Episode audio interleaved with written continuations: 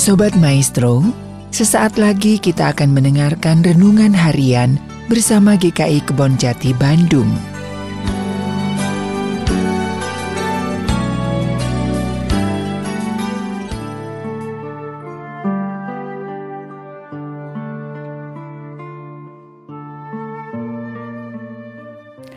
Bapak, Ibu, dan saudara-saudara yang dikasih Yesus Kristus, salam sehat.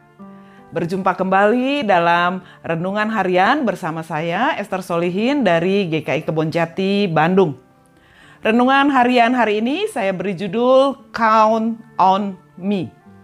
Judul yang saya ambil dari sebuah lagu yang dinyanyikan oleh penyanyi pop beberapa tahun yang lalu, Bruno Mars. Nanti Bapak Ibu cari sendiri di YouTube judul lagu tersebut ya.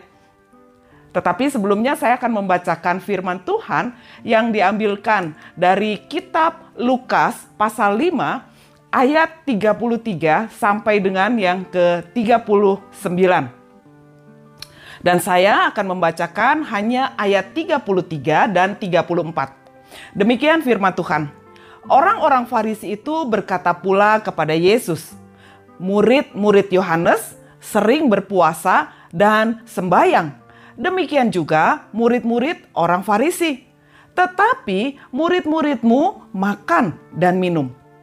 Jawab Yesus kepada mereka, Dapatkah sahabat mempelai laki-laki disuruh berpuasa sedang mempelai itu bersama mereka?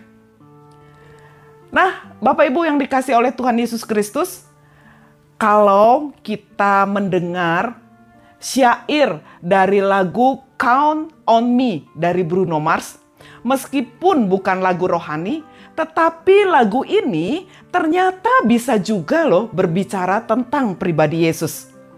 Beberapa bagian lagu ini berkata demikian. Kalau kamu pernah mengalami saat jalan hidup kamu terasa gelap, maka aku akan datang dan menerangi jalanmu.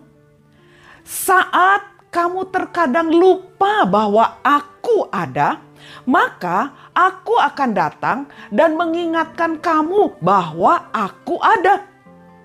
Lalu lagu ini juga mau berbicara bahwa aku menyediakan bahuku untukmu ketika engkau lelah, ketika engkau ingin menangis.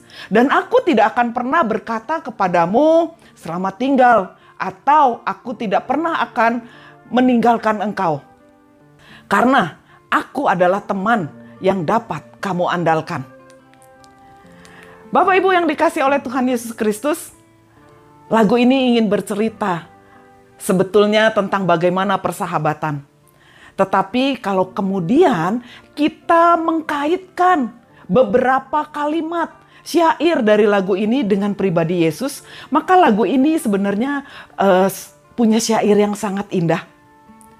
Mau memberitakan, mau menyatakan bahwa ada pribadi Yesus yang senantiasa setia berkarya dalam merawat, menopang, menguatkan, menghibur, mengingatkan, Pokoknya pribadi yang mau terlibat dalam seluruh persoalan hidup kita. Perikop yang kita baca hari ini adalah perikop yang hendak menyatakan bahwa Yesus ada dan senantiasa dirasakan kehadirannya dan menempati tempat yang utama dalam kehidupan umat beriman.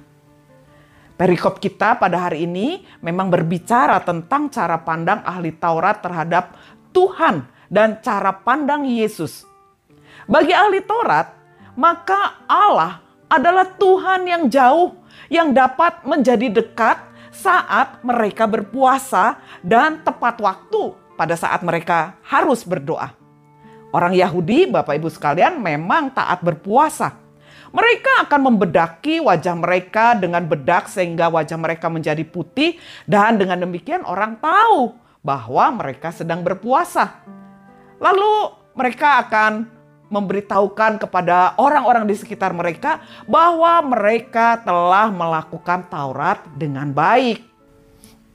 Saat jam berdoa tiba, maka sekalipun mereka ada di jalanan, mereka akan berhenti sejenak dan melakukan ritual doa.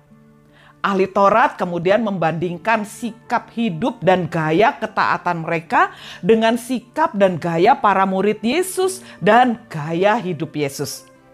Perikop sebelumnya menceritakan bagaimana Yesus dan para murid makan dan minum dengan Lewi pemungut cukai. Tentu saja tindakan Yesus ini membuat kening para ahli Taurat berkerut dan membuat mereka menggerutu serta menganggap Yesus dengan sikapnya yang mau makan dan minum dengan Lewi si pemungut cukai yang dianggap sebagai orang berdosa itu menentang Taurat. Bagi Yesus, Bapak Ibu sekalian, para ahli Taurat ini sepertinya taat. Tapi nyatanya banyak dari mereka dan bahkan orang-orang Yahudi yang sepertinya taat tetapi mereka hanya melakukan ritual saja tanpa makna. Yesus hendak mengubah cara pandang Yahudi yang hanya mementingkan ritual tanpa makna ini. Bagi Yesus, ritual bukannya tidak penting. Ritual itu baik, tetapi yang lebih penting adalah bagaimana kehadiran Tuhan dalam hidup seseorang mempengaruhi pribadi orang tersebut. Kehadiran Allah yang menempati pusat dalam diri seseorang tidak diukur dari ketaatan pada Taurat. Meskipun seorang yang taat dan setia kepada Tuhan, yang hidupnya senantiasa taat dengan sungguh-sungguh kepada kepada Tuhan, maka biasanya pasti dia juga akan taat kepada Taurat. Tetapi ada banyak orang yang sepertinya melakukan Taurat, tetapi hatinya jauh dari Tuhan. Yesus hendak mengajarkan bahwa dialah yang seharusnya menjadi pusat hidup. Orang-orang seharusnya mampu dan mau menjadikan Yesus sebagai bagian yang terpenting. Dan jangan jauh dari Yesus. Mengapa? Sebab melalui dan di dalam hakikat Yesuslah kehadiran Allah menjadi nyata. Yesus hendak menghadirkan bahwa Allah memang harus disembah dan dimuliakan. Tetapi Yesus juga hendak menghadirkan bahwa Allah yang jauh adalah Allah yang ternyata telah terlebih dahulu mendekatkan diri dan meraih umatnya dengan kasih dan pemeliharaannya. Allah tidak perlu dibujuk untuk manusia merasakan kehadiran Allah. Manusia bukan hanya dan bukan sekedar melalui berpuasa saja bisa dekat dengan Allah. Tetapi Yesus mau menyatakan Allah datang terlebih dahulu untuk manusia. Allah mengasihi manusia terlebih dahulu. Allah memelihara manusia terlebih dahulu. Karena itu, mereka yang percaya dan menjadikan Yesus sebagai yang utama dalam hidup, biasanya mereka adalah orang-orang yang mampu menjadi teguh dan tegar menghadapi gelombang dunia. Karena Yesus bisa menjadi teman, bisa menjadi sahabat yang menopang, menolong, menyertai umat manusia yang senantiasa menjadikan Yesus sebagai pusat hidupnya. Count on me bahwa kehadiran Yesus adalah kehadiran yang patut diperhitungkan, patut diimani, patut diterima, dan dijadikan sebagai pusat hidup. Karena kehadirannya dalam hidup kita adalah sebagai Tuhan yang memiliki hidup kita, yang mau terlibat dan ikut serta dalam perjalanan dan pergumulan hidup kita yang paling berat sekalipun. Saat kita bergumul secara ekonomi, saat kita bergumul secara kesehatan, pekerjaan, rumah tangga. Mari hadirkan dan jadikan Yesus sebagai yang utama. Saat jalan terasa gelap, Yesus akan menjadi penerang. Saat kita merasa sendiri, seperti tersesat di sebuah pulau, Yesus akan mendayung perahunya, menghampiri kita, dan kita tahu bahwa kita tidak sendiri saat kita lupa bahwa betapa berartinya Yesus bagi hidup kita, maka Yesus akan datang dan mengingatkan kita dengan penuh kasih.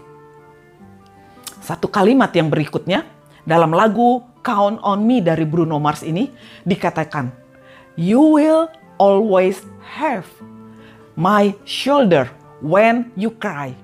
I will never let go, never say goodbye. Mari kita jalani hari ini dan Yesus berkata kepada kita, count on me. Tuhan memberkati. Amin.